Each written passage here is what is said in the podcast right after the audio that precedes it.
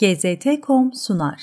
Gerçek kimliğinizi saklayarak yaşamak nasıl bir duygudur sizce? Dünyanın pek çok bölgesinde katı gelenekler, değişmeyen zihniyetler insanların hayatını şekillendirmeye devam ediyor. Baçapoş, ataerkil sistemin Afganistan'daki örneklerinden biri. Peki nedir bu gelenek? Neyi amaçlar? Afgan kızların kaderi Baçapoş.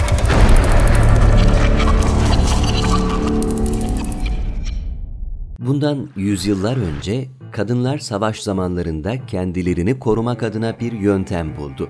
Tamamen kılık değiştirerek erkek gibi giyiniyor, saçlarını kısa kestiriyorlardı. Bir zamanlar yalnızca saldırılardan korunmak için uygulanan bu yöntem varlığını sürdürdü ve günümüze kadar geldi. Baçapoş, artık Afganistan'da erkek çocuğu sahibi olamayan ailelerin uyguladığı bir gelenek. Geleneklerine göre kız çocukları utanç, erkek çocukları ise gurur kaynağı olarak görülüyor. Hiç erkek çocuğu olmayanlar dışlanıyor. Afganistan'da bazı aileler bu durumun üstesinden gelmek için baçapoş geleneğini uyguluyor. Kız çocukları küçük yaşlardan itibaren erkek gibi yetiştiriliyor ve bu durum herkesten gizleniyor. Böylece aile toplum baskısından kurtuluyor.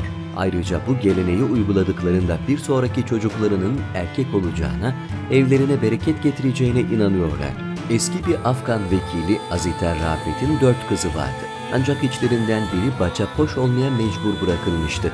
Rafet tamamen erkek gibi yetiştirdiği kızı Mehruş sayesinde erkek çocuğu sahibi olamamanın utancını yaşamaktan kurtulmuştu. Mehruş'un başka seçeneği yoktu. Takım elbiseleri ve kravatlarıyla birlikte dışarıya çıktığında o artık mehrandı. Ülkede baçapoş geleneğinin uygulanmasının tek sebebi erkek çocuğu sahibi olma isteği değil. Kadınların dışarıda çok fazla görünmesi bir sorun ve bunun üstesinden erkek kılığına girerek geliyorlar. Günlük hayatta birçok kısıtlamaya maruz kalan kadınlar iş hayatına girmek bir yana çarşı ve pazarda bile hoş karşılanmıyor.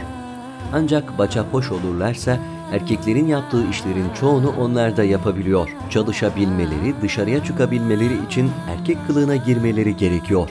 Ailesinin baskısı sonucunda 8 yaşından beri bir erkek kılığında yaşayan Sitare, çalışıp evi geçindiriyor. Peki baçapoş olmasaydı ne olurdu? Muhtemelen çok daha kötü şeyler yaşayabilirdi. Gerçek kimliğiyle toplumda kendisine bir yer bulması mümkün değil.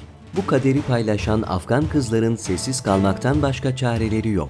Büyük bir psikolojik yarayla hayatlarına devam etmek zorunda kalıyor, sosyalleşemiyorlar.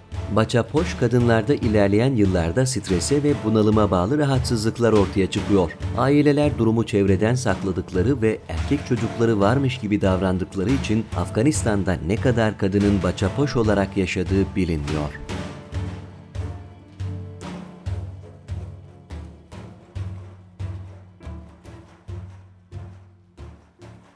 GZT.com sundu.